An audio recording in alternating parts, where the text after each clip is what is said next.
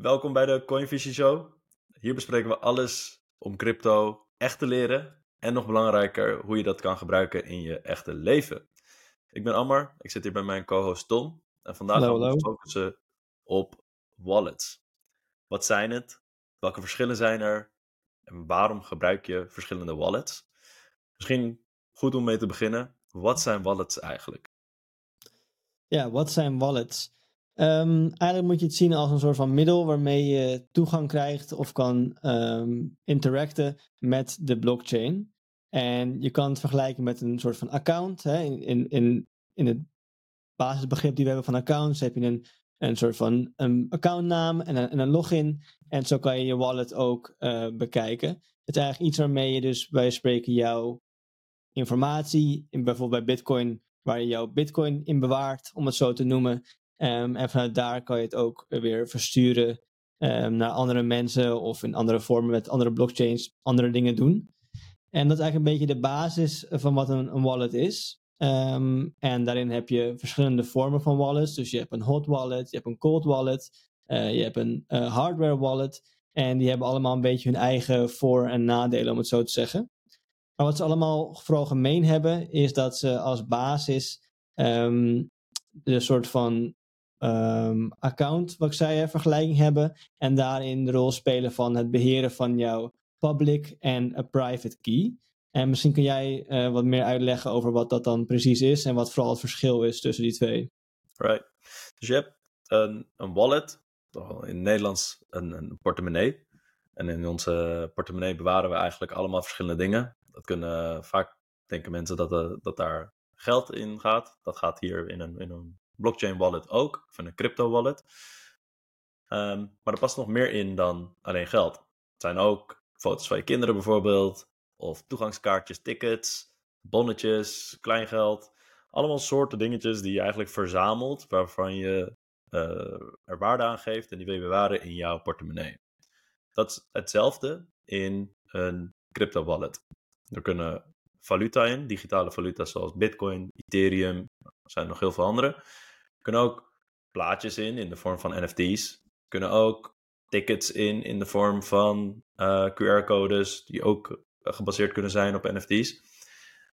En omdat we allemaal op het internet zitten eh, en je niet precies weet welke wallet bij wie hoort, heeft elke wallet een adres.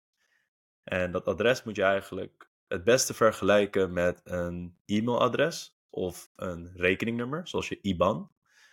Dus dat men weet, als ik uh, geld wil overmaken naar jou, Tom, dan heb ik van jou je IBAN-nummer nodig. Of ik heb een WhatsApp-nummer nodig om je een tikkie te sturen. Of ik heb een uh, e-mailadres nodig om jou een berichtje te sturen. Een wallet heeft ook een adres. En in lastige termen noemen we dat een, een publieke, uh, publiek adres of een public key. Maar het is eigenlijk gewoon een adres dat iedereen mag, we mag weten, waardoor ze, jou, waardoor ze jouw wallet kunnen herkennen en jouw um, informatie eigenlijk uh, toe kunnen sturen.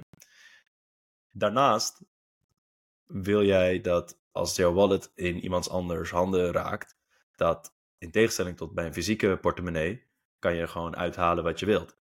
Maar bij een crypto wallet wil je dat alleen jij degene bent die daadwerkelijk de toestemming geeft om iets te versturen eruit.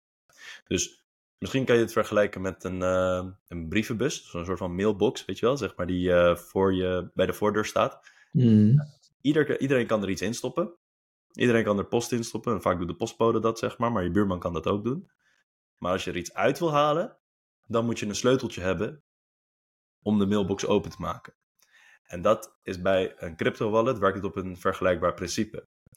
Als jij iets uit je wallet wil halen, dan heb je een private key nodig. Een privé-sleutel die te vergelijken is met een wachtwoord of een pincode.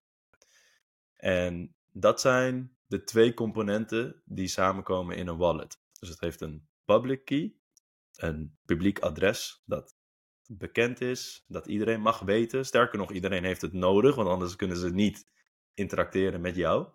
En het heeft een private key, een wachtwoord of een pincode, die alleen jij bezit. En met ehm, het gebruik van, het, van die pincode of het wachtwoord kan je ook je transacties, dus eh, eh, alles wat je wil versturen, ook aftekenen. En dat zijn de twee componenten die zitten aan een wallet, een public key en een private key. Maar ik denk de beste vergelijking is gewoon dat idee van een mailbox ehm, in je hoofd houden. En uh, gebruikersnaam en wachtwoord, zoals we ook gewoon kennen vanuit de internetwereld. We hebben overal accountjes bij Google, bij Facebook, bij Twitter. Um, Alleen hierbij hebben we dat wachtwoord en publieke adres ook echt in eigen bezit. Is ook eigen verantwoordelijkheid. Ja, en in crypto heb je ook een soort van bekend, relatief bekend gezegde waar ze zeggen not your keys, not your coins. En dat is eigenlijk ook een beetje wat jij hier schetst. Hè? De, de, de private key die je hebt, die zorgt eigenlijk voor dat jij dus zelf toegang hebt tot die wallet. En is eigenlijk ook meteen een soort van verificatieproces naar de buitenwereld toe van hey, kijk, um, ik ben de eigenaar van deze bitcoins. En als ik dus die verstuur, dan onderteken ik die met mijn uh, private key. En dan weet ook de buitenwereld dus van oké, hij is een legitieme eigenaar van uh, die wallet en heeft het recht, hè, het, netwerk weet, diegene heeft het recht um, om die bitcoins te, te versturen. Um, en waarom ze dus zeggen van not your keys, not your coins is misschien een goed bruggetje naar de, de, eerste voorbeeld van een wallet. En je kan het eigenlijk niet eens echt een wallet noemen um, in de, de kern van de zin, maar het wordt wel daar vaak mee vergeleken. En dat zijn de exchange wallets. Dus eh, veel mensen die voor het eerst in aanmerking komen met crypto, um, die kopen hun uh, bitcoin of wat dan ook via een exchange als Binance of Coinbase of een meer lokaal, bijvoorbeeld Nederlands bedrijf. Um, en wat er dan gebeurt is eigenlijk, hè, jij stort jouw geld op, uh, op die exchange en jij koopt daar direct bitcoin. En op dat moment wordt die bitcoin eigenlijk voor jou bewaard uh, op de exchange. En als jij wil, kan je dat ook weer opnemen en dan kan je die bitcoin ook daadwerkelijk naar een echte wallet sturen die jij beheert. Uh, maar wat veel mensen doen, is dat ze dus in eerste instantie vaak die bitcoin of wat dan ook laten staan um, op de exchange. En denken van, het staat daarvoor nu wel goed. Of weten eigenlijk ook zelf niet eens echt hoe dat hele concept van een, het zelf beheren van een wallet, hoe dat uh, in zijn werking gaat. En in principe hè, is het nooit heel erg om in ieder geval kleine bedragen, om die op een exchange te laten staan. Vooral als je er, bij spreken, net nieuw mee bent, uh, hè, moet je dat soort dingen allemaal nog leren. Dat is ook helemaal niet erg.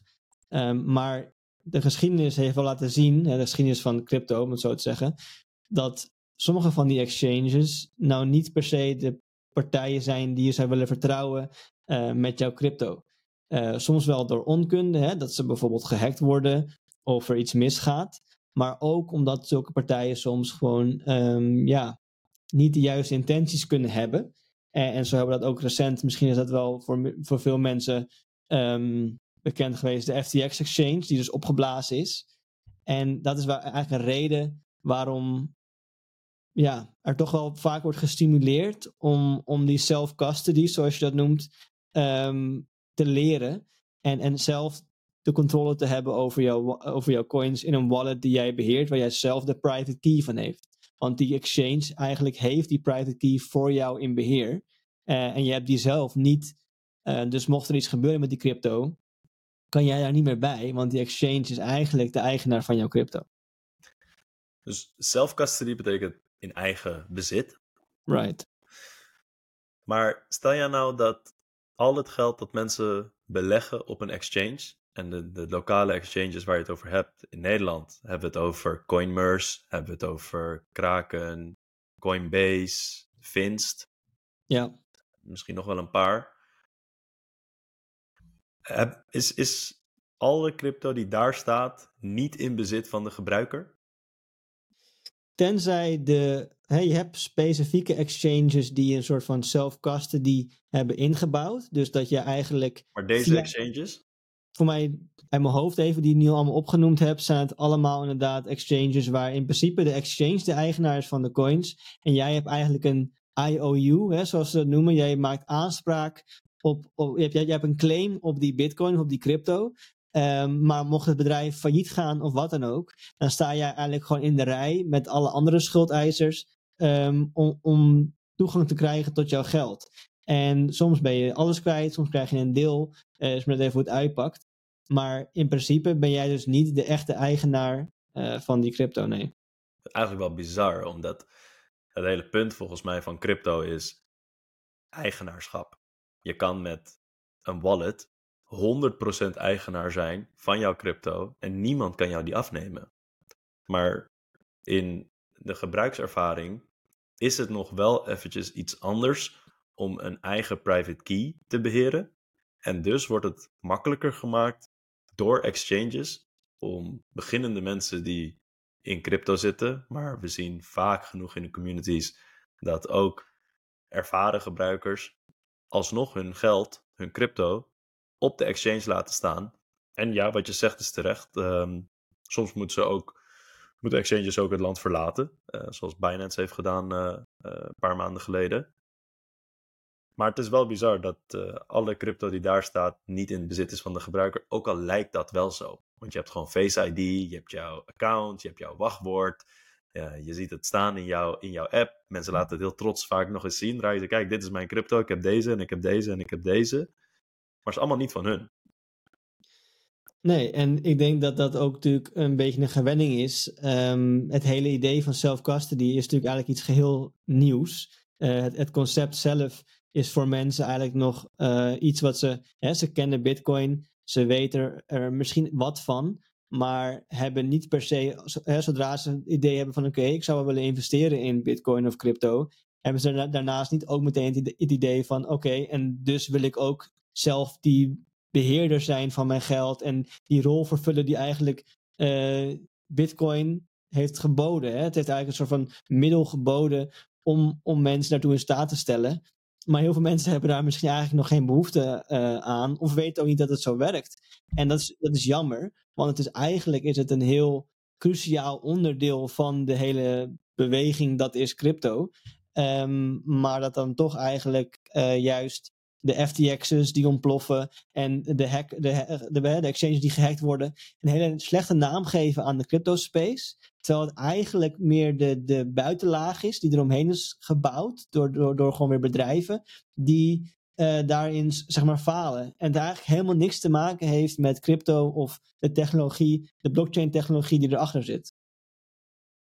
Wel echt interessant. Ik denk dat dat een uh, idee is voor een andere podcast eerlijk gezegd. Want mm -hmm. wat je eigenlijk aanstipt is dat mensen helemaal niet klaar zijn voor eigenaarschap. Om echt controle te nemen over hun eigen bezittingen. En dat heeft nou, verschillende dingen laten dat zien. Ik bedoel, ons geld staat ook niet bij ons in een kluisje of op onze eigen rekening. Nee, het staat op de rekening van de ABN AMRO of de Rabobank of de ING. En nou, daar is natuurlijk ook heel veel over te zeggen. Maar bij crypto heb je dus de unieke mogelijkheid om jouw eigen rekening te openen met jouw eigen sleutels. En niemand anders kan daarbij komen. Echt helemaal niemand. Zolang jij je private key, jouw, jouw, jouw wachtwoord of pincode, goed beschermt. En ik denk dat daarin zit nog wel een behoorlijke leercurve. Want het beschermen van je private key is, of nou, als je er niks van af weet, kan het best uitdagend zijn. En ik denk dat hier ook het verschil in zit.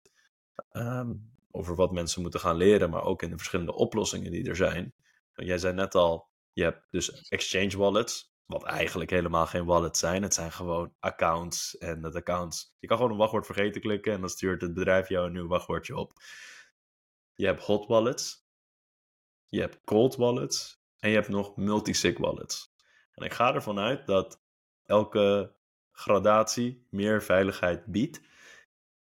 En ik denk in de basis gaat het erom om de bescherming van jouw private key. Mm. Um, een vraag. Wat is, denk, wat, is, wat is het grootste voordeel dat je zou kunnen gebruiken als je een, als je een hot wallet met een cold wallet gebruikt? Want ik denk dat dit de meest voorkomende wallets eigenlijk zijn.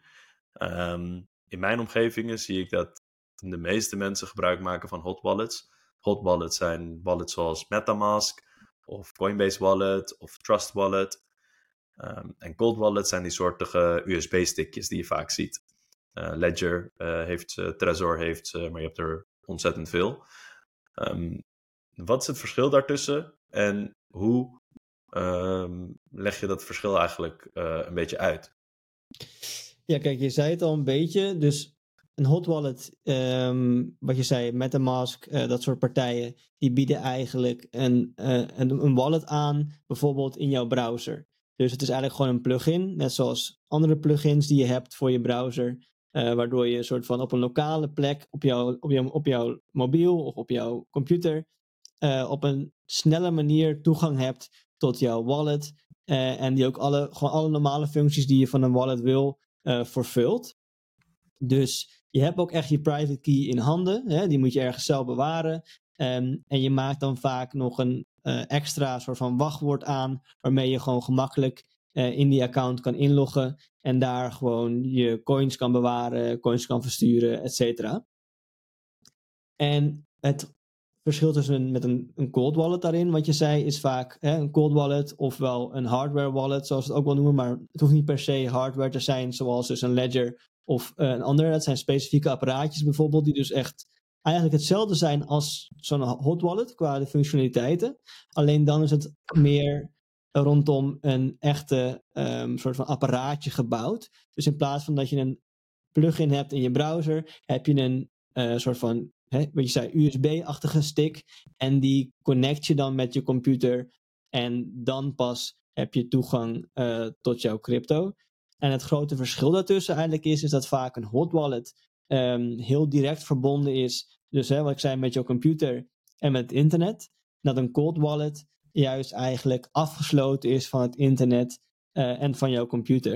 En eigenlijk meer een soort van wat ik zei, een cold wallet kan een apparaatje zijn, maar het kan eigenlijk ook een papiertje zijn. Dus een cold wallet zou eigenlijk ook gewoon kunnen zijn, jij weet de private key van die wallet, die schrijf jij op op een papiertje en die stop je in een kluis. Dat is in principe ook een cold wallet, want wat jij kan doen met die code, hè, die, die private key, kan jij weer op de computer ooit, wanneer je dat zou willen, die wallet weer daardoor toegang toe krijgen.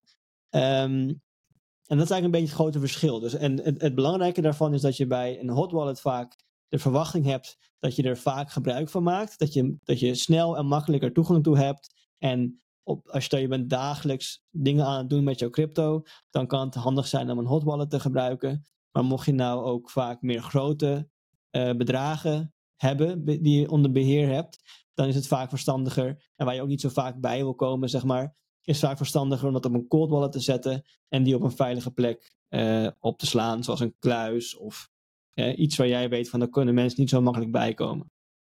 Oké. Dus je zegt het grote verschil is uh, online en offline, om maar zo te zeggen. Ja. Hot betekent online, in aanraking met internet. En cold betekent offline, niet in aanraking met internet. Ja. Maar als je, een, als je je private key in een hot wallet hebt staan, dus hij is wel in aanraking met internet, hij zit dan nog steeds op je telefoon, in jouw app, in jouw iCloud, of tenminste vanuit jouw account is hij gedownload. Dat is toch niet per se. Um, het betekent, het is niet hetzelfde alsof je je private key op social media post. Het is nog steeds in jouw app. Hoe is dat dan, zeg maar, hackbaar? Klopt, en, en dat is ook een beetje waar we het al eerder over gehad, volgens mij, is dat uh, heel vaak bij, in geval met wallets, is het vaak juist de menselijke fout, de human error, zoals we dat noemen, die ervoor zorgt dat jij hackbaar bent. Dus stel jouw wallet staat op, jou, op jouw computer en jij voert jouw co code in, zeg maar, op jouw hot wallet op je computer, maar op dat moment staat er een, een, een zeg maar, virus op jouw computer die kan lezen wat jij intypt, kunnen zij op dat moment per direct eigenlijk jouw wallet gebruiken. Terwijl een um, hardware wallet, een cold wallet, die is eigenlijk sowieso al afgesloten van het internet. Tenzij dus zij echt specifiek jouw private key hebben. Maar als het goed is, heb jij die dus ergens ook op papier of wat dan ook uh, offline bewaard. Dus als jouw apparaten, om het even zo te noemen wat het ook is, jouw mobiel, computer wat dan ook gehackt worden, hebben die nooit een interactie gehad uh, met die private key. Dus er is geen informatie bekend rondom die private key. En bij een hot wallet worden die vaak ergens opgeslagen in die omgeving. Dus jouw, wat je zei, hè, die private key staat op jouw mobiel. Dus jou, als jouw mobiel gehackt wordt, is er een kans dat zij ook toegang kunnen krijgen tot, jou, tot jouw wallet. Oké. Okay. Persoonlijke vraag. Mm Ben je wel eens gehackt? Nee, ik, ben, ik moet zeggen, ik ben wel eens gehackt uh, buiten crypto. Hè. Maar mijn, uh, mijn wallets zijn nooit uh, gehackt, gelukkig. En dat klop ik ook even af, want het is niet iets wat je, wat je wil natuurlijk. Maar en ik heb daarbij ook zelf dus een hot wallet en een, en een cold wallet. En de hot wallet is eigenlijk iets wat ik gewoon gebruik om, om dagelijks dingen te doen rondom crypto. En eigenlijk mijn grote investeringen, om het zo te zeggen, de grote getallen daarin, die staan op die, op die cold wallet. Uh, en daar zit ik eigenlijk ook nooit aan, omdat het iets voor, iets voor lange termijn is. Um, maar ja, omdat je dus inderdaad die controle hebt, hè, die, die, die zelf, dat je het zelf beheert, jouw crypto, die, die self-custody, zeg maar, uh, moet je ook inderdaad daar wel echt even goed bij stilstaan en ervoor zorgen dat jouw, uh, dat jouw soort van ja, veiligheidsplan, om het zo te noemen, rondom jouw crypto, ook echt in orde is. En dat je een beetje verstand hebt van, oké, uh, hoe kan ik dit soort, soort van zo zorgvuldig mogelijk opzetten en dat ik daardoor de kans dat er iets fout gaat eigenlijk zoveel mogelijk minimaliseer. En dat is vaak wat je in de praktijk ziet als mensen dus gehackt worden of iets dergelijks. Is het vaak eigenlijk iets wat ze zelf hadden kunnen voorkomen. Of zelf aan bijgedragen hebben dat, ze, dat, dat, dat het fout ging. Dus dat ze op een netwerk deelnemen waar ze eigenlijk uh, een, een, niet veilig netwerk, hè, op een wifi-verbinding die ze eigenlijk niet uh, hadden kunnen vertrouwen. Of op andere manieren hun, hun wallets of hun keys, sorry, uh, ergens opslaan waar je dat niet moet doen. Hè? Een bestandje op je, een Word-document op je computer of, uh, of wat dan ook. Dat is ook een goede. Dat is dus ook, als jij op het moment dat jij, stel je hebt een, uh, je hebt een goede setup, ja, je, je hebt een exchange, nou, zet je euro's op, gewoon via een ideal storting of een overbooking, dan koop je crypto van, en vervolgens transfereer je een, een deel naar een hot wallet, omdat je daarmee misschien verder op Web3 gaat ondernemen. Maar een goed deel daarvan zet je op een cold wallet. Um, want je wilt daar eigenlijk niet meer aankomen. Um, je wilt dat daar alleen ietsje meer bij kan komen op het moment dat je wil gaan storten. Net als brief door de brievenbus. Maar die private key, die privésleutel, die pincode, die laat ik helemaal offline. En die laat ik altijd offline. Op het moment dat je uh, deze offline houdt, is het eigenlijk onmogelijk om die uh, door een uh, tegenstander, zeg maar, om, om gehackt te worden op die manier. Want men weet die private key niet, maar die valt ook niet zo makkelijk te gokken.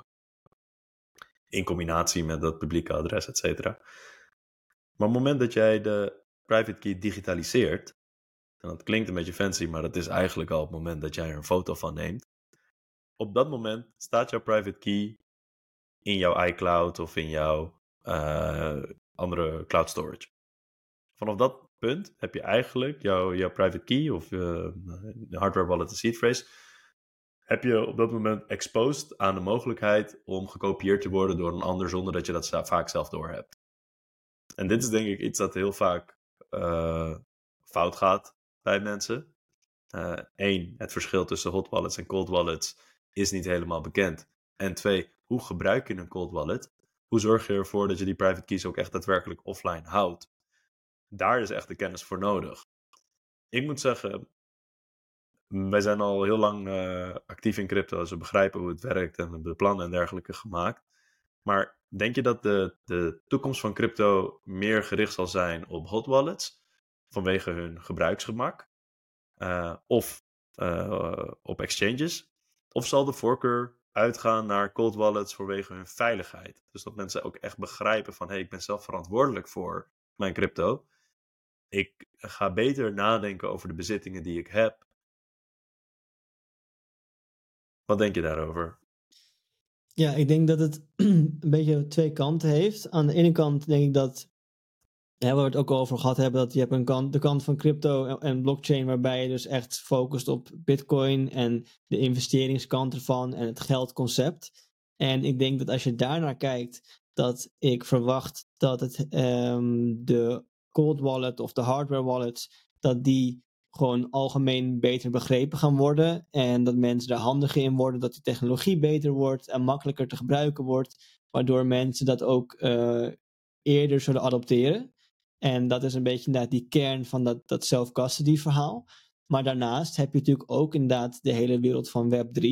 En eigenlijk die kant van crypto die niet zo heel veel met geld te maken heeft, maar meer met um, ja, media op de blockchain of andere vormen van hoe de blockchain toegevoegde waarde levert aan, aan diensten of, of dingen die wij momenteel doen op het internet eigenlijk vaak. En ik denk dat daarin de hot wallets uh, natuurlijk ook een grote rol blijven spelen, omdat het niet echt per se gaat om geld, maar meer vergelijkbaar is met een login-account uh, die je ook hebt voor bijvoorbeeld voor je, je e-mail of een account die je hebt op Facebook bijvoorbeeld. En dat het daarvoor niet dermate belangrijk is dat je dat zo helemaal uh, inbouwt, dat, dat het echt onmogelijk is om te hacken, omdat het toch eigenlijk niet zo veel financiële waarde heeft, laat ik dan even zo zeggen. Het kan natuurlijk wel waarde hebben voor jou als persoon. En, en ik denk dat daarin ook juist de crypto space nog best wel een slag kan slaan. Om die hele soort van experience, user experience van crypto en Web3 uh, eh, wat toegankelijker te maken voor de gebruiker. En eigenlijk een beetje die hele wallet concepten naar de achtergrond te, te, kunnen, te kunnen verplaatsen. En daardoor juist kunnen focussen op eigenlijk de kracht en de toegevoegde waarde die het heeft zonder dat het uh, heel veel technische barrières soort van uh, blijft hebben. En, en dat is een beetje eigenlijk een proces waar we natuurlijk nog in zitten, omdat al deze dingen zijn nog relatief nieuw. Het hele concept van een hardware wallet. En dat zijn ook eigenlijk nieuwe bedrijven die uh, zich daar maar gewoon op gestort hebben eigenlijk. En die hebben bedacht, hoe kunnen we die uh, mensen zoveel mogelijk helpen om hun crypto zo veilig mogelijk te bewaren. En dat moet ook evolueren over time. En er moet ook, uh, ja, misschien ook nieuwe ideeën komen in de toekomst waar we nog helemaal niet aan gedacht hebben hoe we daar beter mee kunnen, mee kunnen omgaan. Ja, ja, ja, ja. Ik denk dat um, over nieuwe ideeën gesproken, denk ik dat uh, multi-signature wallets, multi-sig wallets een hele interessante zijn. In de basis werken multi-signature wallets als een soort van kluisje waarbij je drie sleutels in kan steken maar om er iets uit te halen, moet je tenminste twee correcte sleutels erin zetten en dan gaat het kluisje voor je open. Dan gaat jouw wallet open. Maakt niet uit welke combinatie van de drie sleutels het zijn, zeg maar, maar het moet er minimaal twee zijn. Stel dat jij dus niet in bezit bent van de derde sleutel, dan maakt dat niet uit. Stel dat je de derde sleutel kwijt bent, dan maakt dat niet uit, want je hebt er nog twee. Je zou er bewijs van kunnen kiezen om één uh, sleutel aan iemand anders te geven, uh, iemand die je vertrouwt, of aan een bedrijf uh, dat je daarvoor kan betalen en zelf twee sleutels in bezit te houden. mocht het geval voorkomen dat je er eentje verliest, dan kan je het bedrijf of je vriend bellen en zeggen van hey, breng mij die nieuwe sleutel. Dan kan ik mijn eigen kluisje nog in. Dat concept is in een samenvatting is, eh, is innovatie in, in wallets. Maar dat kan je een stukje verder doortrekken door bijvoorbeeld naar social recovery te gaan kijken, waarbij je mensen in je omgeving aan kan um, wijzen die jou kunnen helpen met het herstellen van jouw wallet, omdat je dat van tevoren hebt aangegeven. Stel, ik heb een wallet en ik zeg, hey, op het moment dat uh, Tom, een andere maat en uh, nog iemand anders zeggen, hij is echt zijn sleutels kwijt, dan gaat mijn wallet weer open. Als je dat maar van tevoren hebt ingesteld. Zulke concepten, zeg maar, denk ik dat veel groter gaan worden in, um, in crypto. Want ik vind het uh, managen van een private key vind ik voor een gemiddeld digitaal persoon best een uitdaging. Ja, en ik denk ook wat zal, uh, om nog even daar verder op, op te verdiepen. Kijk, een cold wallet of een hardware wallet is relatief erg veilig. Hè? Dus er zijn qua voor de buitenwereld, zeg maar, voor het gevaar van hacken en dergelijke, ben je relatief goed uh, beschermd. Maar er zijn altijd twee uh, aspecten daarvan die nog steeds bepaalde risico's met zich meedragen. En de eerste, zoals we al zeiden, is eigenlijk het beheren van die private key. Dus daar ben je zelf verantwoordelijk voor. Hè? Dat papiertje waar je die code op schrijft, of uh, hoe, hoe je dat ook bewaart, al sla je het in een stukje ijzer, kan allemaal.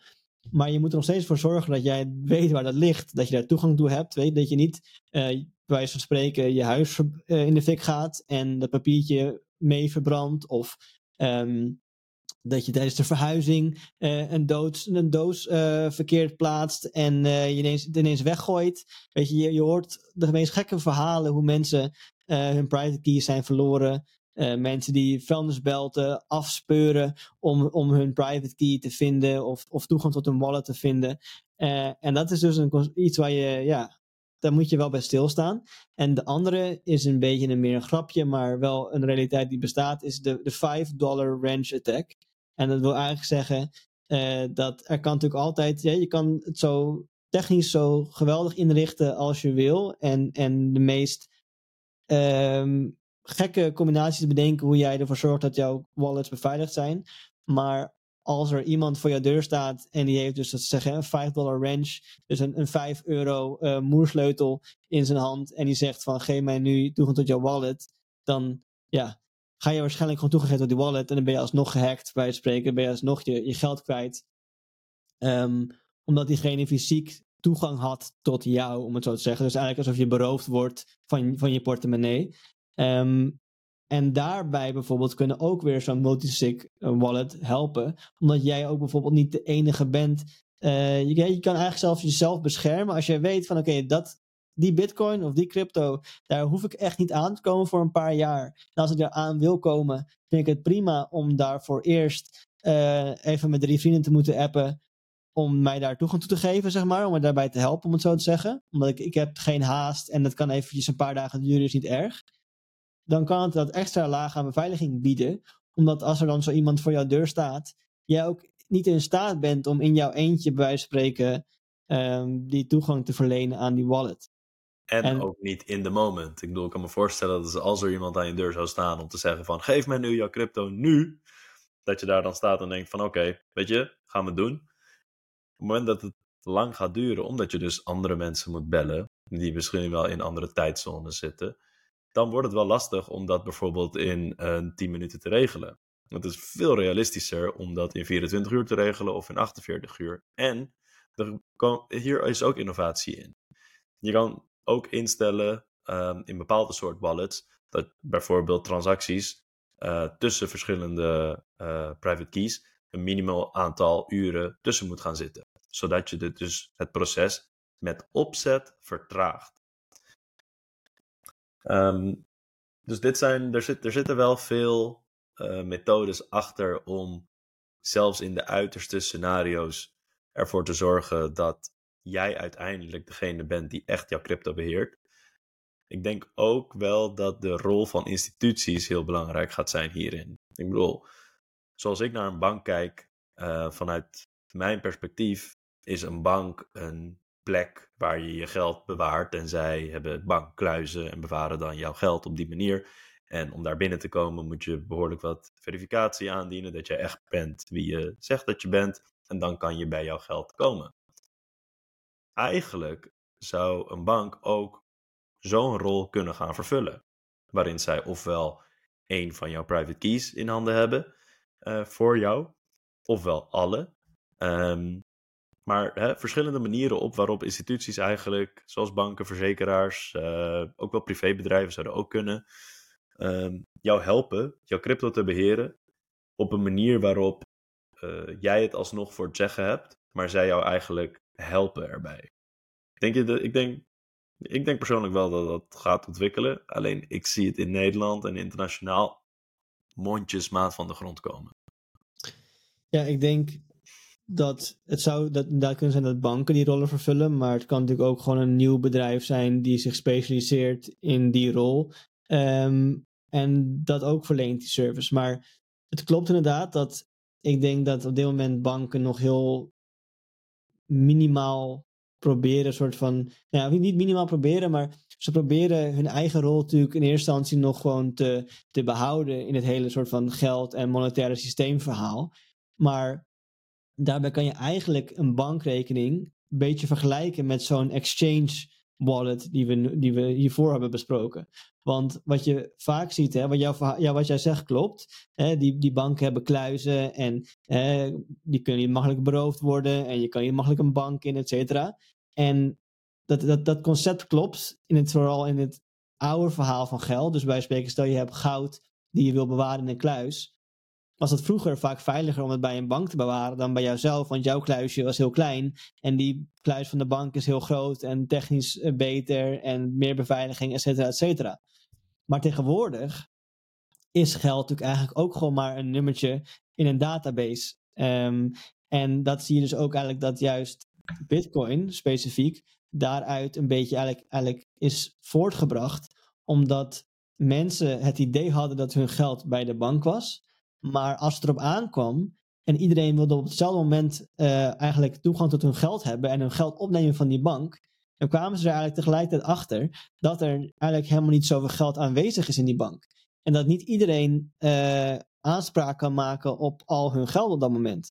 Omdat op dat moment die bank zegt van ja, maar wij hebben dat geld gewoon niet uh, in de kluis, om het zo over te noemen. En wij kunnen je dat niet geven. En dat heb je vroeger is dat vaker gebeurd, dat noem je een bankrun. En dat wil zeggen dat, dat er dus een soort van paniek ontstaat hè, in, in de bankenwereld en de financiële wereld. En mensen worden een beetje wantrouwig. En die willen ineens allemaal aanspraak maken op hun, op hun geld. En zo, dat is eigenlijk een reden waarom zo'n bank kan ontploffen. Omdat ze op dat moment achterkomen van ja, het geld is er niet. En zo uh, valt eigenlijk het hele huis uh, in elkaar. Dus wat een bank zou kunnen doen inderdaad, is die zou daarin soort van zich kunnen verplaatsen in de service die ze aanbieden inderdaad. En weer meer die rol gaan vervullen van het soort van ondersteunen van het beschermen en, en het bewaren van jouw geld. In dit geval dan bijvoorbeeld jouw crypto. Waardoor ze eigenlijk weer misschien weer dichter bij hun kern komen van de service die ze vroeger uh, hebben aangeboden. Dan wat ze, die rol die ze nu eigenlijk vervullen, die op heel veel vlakken dus eigenlijk niet zo goed werkt. En als het erop aankomt, uh, in het verleden heel vaak is gefaald. En juist ook een reden is geweest waarom Bitcoin uh, nodig was. Of in ieder geval een, een grote factor is geweest waarom iets als, als Bitcoin een nut heeft in de wereld. Eigenlijk is een bank een exchange geworden. Pretty much. Maar het eerst een, een, een hoe zeg je dat? Een, een beveiligingsrol had. Kluizen, goud, beschermen. Alleen de juiste personen mogen naar binnen en hun goud ophalen, ophalen. Is het nu eigenlijk een exchange geworden waar jij geld belegt. En zij beleggen het voor jou verder. Um, maar er zit geen veiligheidsmechanisme uh, meer op verder dan een gebruikersnaam en wachtwoord. Dan bij de huidige bank is dat nog wel zo, maar bij de exchanges die wij kennen hier, in principe met een gebruikersnaam en wachtwoord kan je gewoon uh, doen alsof iemand anders bent en geld uh, weghalen. Of digitale valuta weghalen. Ja, klopt. En daarbij heb je natuurlijk ook nog de soort van de, uh, de bankengarantie. Dat bij spreken voor mij is tegenwoordig tot 100.000 euro of iets daarboven zogenaamd verzekerd is. Dus mocht de bank dus ontploffen om deze redenen, dan um, heb je nog steeds 100.000 euro bij spreken. Daar heb je nog steeds aanspraak op. Maar mocht je dus meer dan dat hebben, dan is de rest wel weg ook. Dus dat is ook weer een, een andere kant van het verhaal. En dat geld, die, dat verzekeringspotje waar dat uitkomt, wordt eigenlijk ook weer uh, betaald door een andere partij. En dan moet je ook dus maar weer hopen dat daar dat geld dan maar weer is. Weet je? En dus het, hele systeem is best wel, is best wel fragiel. Plus, banken vervullen natuurlijk ook tegenwoordig de rol van het verstrekken van leningen en hè, hypotheken. En, en, en als jij je huis koopt, dan, dan, klop je aan bij de bank. Um, maar ook die rollen hoeven niet allemaal, dus allemaal bij een bank te liggen. Weet je? Dat kan, ze kunnen zich ook beter juist misschien gaan focussen op een van die aspecten. En daar echt goed in zijn. In plaats van dat, we, dat banken zo'n soort van mega factor spelen in ons financiële stelsel. Ja, ja, ja.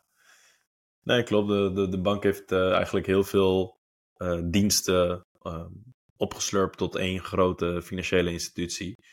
Maar er zijn ook al uh, veel, veel privébedrijven die bijvoorbeeld zich specifiek focussen op het uitgeven van leningen. Um, maar dat bestaat, de cryptoversie bestaat daar ook van. En de cryptoversie van bedrijven die zich, die zich inzetten voor de bescherming van digitale assets, die bestaan ook al. Dus bedrijven zoals Casa of in Nederland heb je ook een paar lokale spelers die dat doen die bieden ook al aan van hey, we, we leggen je helemaal uit hoe een multi-signature wallet werkt. Jij krijgt twee sleutels, wij hebben één sleutel. We staan 24-7 voor je klaar met een supportteam wereldwijd om je er doorheen te leiden. We maken een app uh, erbij en praktisch onmogelijk om jou te hacken. En het is, het is voor mensen vaak interessant als je significante bedragen aan, aan crypto hebt, omdat je dan ook, hè, er zijn natuurlijk ook kosten aan verbonden. Maar ik verwacht wel dat deze sector mee zal groeien met um, de, eigenlijk de hele eh, marktomvang van crypto. Wat nu nog best wel bescheiden is. En ik denk misschien binnen anderhalf, twee jaar al een stuk groter is. En dan zullen we misschien ook heel veel initiatieven uh, ook wel lokaal groter zien worden. Ja, klopt. En want jij hebt natuurlijk zelf ook veel ervaring uh, met wallets gehad. Want zie jij daarin zelf ook uh, nog bij spreken gaten in, in de user experience Ja, bijvoorbeeld absoluut, in de hot wallets. Absoluut, ik kan er Eh, een korte sessie over houden hoor. ja, Ehm, kijk, het eerste gat dat ik al direct zie is eh, het onthouden van je public key. Eh, het is heel makkelijk om je gebruikersnaam te onthouden. Het is heel makkelijk om je e-mailadres te onthouden. Het is al ietsje moeilijker om je IBAN te onthouden, maar het lukt de meeste mensen ook nog wel. Maar jouw public key onthouden is al een lastige. En al helemaal met de vrijheid om zoveel mogelijk public keys aan te maken die jij wilt. Want dat is natuurlijk ook zo in crypto. Je, hebt, je kan, je kan eh, tientallen, honderden eh, adressen maken voor verschillende doeleinden. Ofwel omdat je er geen toegang meer toe hebt, dus je maakt een nieuw adres. Dan wel dat je wilt dat een bepaald adres niet wordt geëxposed aan bepaalde soorten transacties die je doet. Je kan je voorstellen dat je bepaalde transacties misschien meer privé wil houden en niet zou willen linken aan ehm, eh, de- dezelfde eh, e-mailadres waarin iedereen eigenlijk kan kijken. Want dat is natuurlijk wel de, de transparantheid van de blockchain. Dus ehm, het gat dat ik zie is eh, ten eerste, hoe zorg je voor die herkenbaarheid van eh, dat publieke adres? Nou, gelukkig zijn daar oplossingen voor die wij ook aanbieden in de vorm van INS-namen. Dus eh, net zoals je een, een eh, ehm, je gaat naar twitter.com en niet naar 192.168.1.1. Eh, dat hetzelfde idee zeg maar bestaat voor crypto ook. Ehm, maar wat, wat ze daarmee niet oplossen, is dat als je meerdere publieke adressen maakt, dat je dat ook nog goed moet gaan managen. Dat je dat goed moet gaan terugtraceren eigenlijk. Je moet van alle assets die je hebt en alle adressen die je hebt, moet je eigenlijk wel weten welke dat zijn en welke gelinkt zijn met welke private keys. Dat is, dat is op zich, zeg maar, als je net start in crypto, heb, je dat probleem nog niet echt. Maar op het moment dat je meerdere adressen gaat aanmaken of je switcht van, ehm, van telefoons, dan kom je daar wel tegenaan, loop je daar wel tegenaan.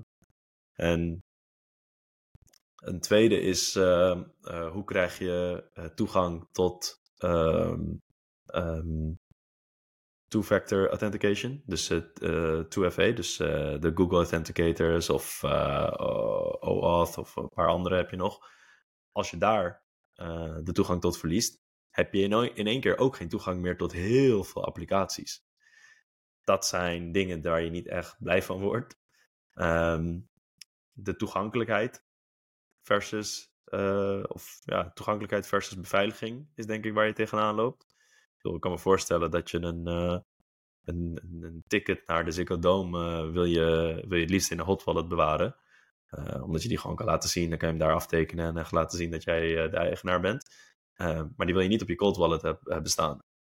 Maar stel dat daar tegelijkertijd ook een enorme waarde aan zit, dan wil je die misschien liever toch wel op een cold wall- wallet zien staan. Dus daar is een soort van trade-off die je aan het maken bent. Dus dat zijn lastige dingen. Ehm, en ik denk eh, eh, de, de recoveries, dus de, hoe je private keys herstelt, dus in de vorm van al die woordjes die mensen soms invullen, en, eh, recovery, seed phrases noemen ze ze ook wel, hoe je die opslaat.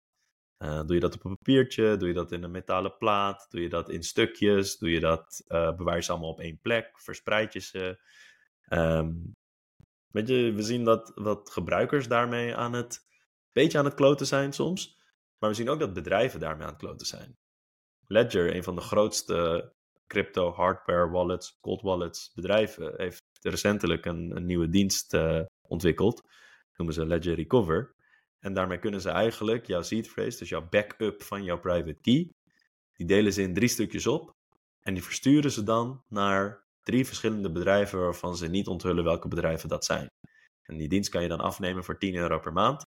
En mocht jij dan je private key verliezen, dan kan je gewoon met je ID, dus met je, met je, met je paspoort of je identiteitskaart, krijg je dan weer toegang tot jouw seed phrase. Dat klinkt heel nice, een soort van. Maar het betekent ook dat je jouw assets weggeeft aan andere partijen om te beheren. Dus het druist ook echt in tegen de principes van crypto dat not your keys, not your coins. Ja, valt wel een beetje weg. Maar het feit dat Ledger dat nu introduceert, geeft wel aan dat daar misschien een behoefte aan is. Want zij zijn de specialisten in hardware wallets en hebben, ze zitten continu uh, door te ontwikkelen. En al hun klanten zijn mensen die hardware, wallets gebruiken in plaats van hot wallets of exchanges. Dus um, gaten genoeg uh, op zowel user experience voor uh, individuen. Uh, en ik denk ook voor bedrijven. Dus je ziet dus nu de nieuwe initiatieven ontwikkelen, ontwikkelen in multisig wallets, um, maar ook in hardware wallets om, om die backup dus toch nog ja, meer handen en voeten te geven dan, dan het nu heeft. Um, maar ik denk dat de oplossingen toch meer liggen in hoe kan je op een protocolniveau beveiliging dusdanig verbeteren zonder dat je daar de afhankelijkheid neerzet bij privébedrijven. Dus dingen als uh, social recovery, dingen als uh, account abstraction. Ik denk dat daar een grotere rol in ligt, in, uh, hoop ik eigenlijk. Ik weet niet, hoe kijk jij daar eigenlijk tegenaan? Ja, ik denk dat jij nu heel veel inderdaad al benoemd hebt. En dat we nu al heel veel benoemd hebben. Um, soort van hè, die, die, die afwegingen die je hebt tussen bij spreken meer toegankelijkheid of meer bescherming, um, meer zelfbeheer, meer onder zelfbeheer of soort van hulp met het beheer, om het zo even te noemen. En ik denk dat het belangrijkste uh, dat je daaruit wil, van, van wil meenemen eigenlijk, is dat, dat crypto ook vooral de opties biedt. En dat dat eigenlijk het belangrijkste is, dat ja, het is allemaal nog niet perfect en er kan nog een hele hoop in worden verbeterd. verbeterd um, is het wel al heel erg eigenlijk indrukwekkend dat crypto en blockchain en um, de technologie erachter ons de keuze heeft gegeven om, om, in ieder geval eigenlijk die, die opties te hebben. Dus je, je kan kiezen tussen heel erg, heel erg veilig of juist heel erg toegankelijk. Terwijl vroeger hadden we alleen maar heel erg toegankelijk, om het zo te zeggen. We hadden alleen maar de ABN AMRO app en jouw online internetbankieren. En nu hebben we de optie om het ook helemaal zelf in beheer te hebben. Nu hebben we de optie om het soort van helemaal af te schermen van internet. Maar we kunnen ervoor kiezen om andere partijen ons erbij te laten helpen. Of zelfs te zeggen van, ja weet je, ik weet gewoon van mezelf. Ik ben niet zo handig met al die dingen. Dus ja, er is een risico die ik neem door andere partijen eigenlijk te betrekken bij mijn veiligheidsplan, om het zo te zeggen. Maar dat neem ik voor lief, want ik weet als ik het zelf ga doen, dat daar ook een hele hoop risico's aan verbonden zitten. En dat is nou ook zeg maar, eigenlijk een persoonlijke afweging die je mag, mag maken. En ook terecht soort van af en toe kritisch moet zijn naar jezelf. Van oké, weet je, dit is gewoon voor mij beter. Of ik kan beter inderdaad een multisig gebruiken met mijn vrienden. En, en dan weet ik dat het gewoon goed komt. En het feit dat ik soort van crypto die opties heeft uh, geboden aan, aan de samenleving, om het even zo te zeggen, is misschien wel het belangrijkste van allemaal. En hoe we dat in de toekomst soort gaan perfectioneren en waar dat naartoe beweegt, dat, dat is nog te bezien. Um, maar naar mijn ervaring kan het eigenlijk alleen maar beter worden vanaf hier. En dat is eigenlijk al uh, heel prettig, laat ik zo zeggen. Ja, ik denk dat, het, uh, dat je dat goed hebt gezegd. En uh, het klopt ook helemaal. Het is, crypto biedt echt mogelijkheden.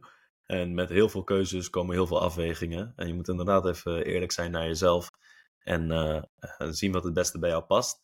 En ook weet wat daar de consequenties van zijn. Ik bedoel, het betekent niet dat als je aan de ene kant van het spectrum zit, dat je standaard gehackt wordt. Helemaal niet. Alleen als je het weet, dan weet je ook waar je beter in kan worden. En hoe het eigenlijk zit. En ik denk dat dat een, uh, een mooi punt is uh, om er een eind aan te breien. We hebben een hoop besproken. Um, en als we willen kunnen we er zeker nog uren over doorpraten. En dat gaan we ook doen.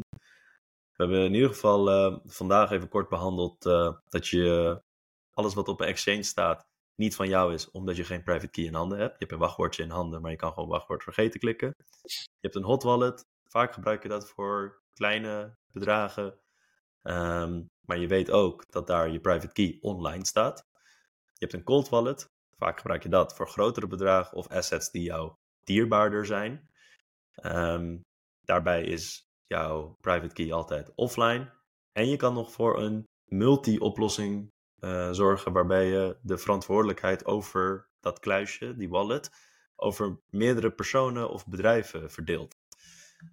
Mocht jij nou vragen hebben of wil jij meer weten over hoe je ervoor kan zorgen dat je helemaal klaar bent voor een wereld waarin jij zelf de controle hebt over je geld, dan kan je naar Coinvisie toekomen. Je kan je gratis introductiegesprek uh, inplannen en wij kunnen je helemaal doorleiden in de wereld van wallets, beveiliging, multisig, hot wallets. Waar sta jij op het spectrum? Wat past bij jou en wat is realistisch? Dat was hem weer voor vandaag. Ik bedank mijn co-host Tom en tot de volgende keer bij de Coinvisie Show.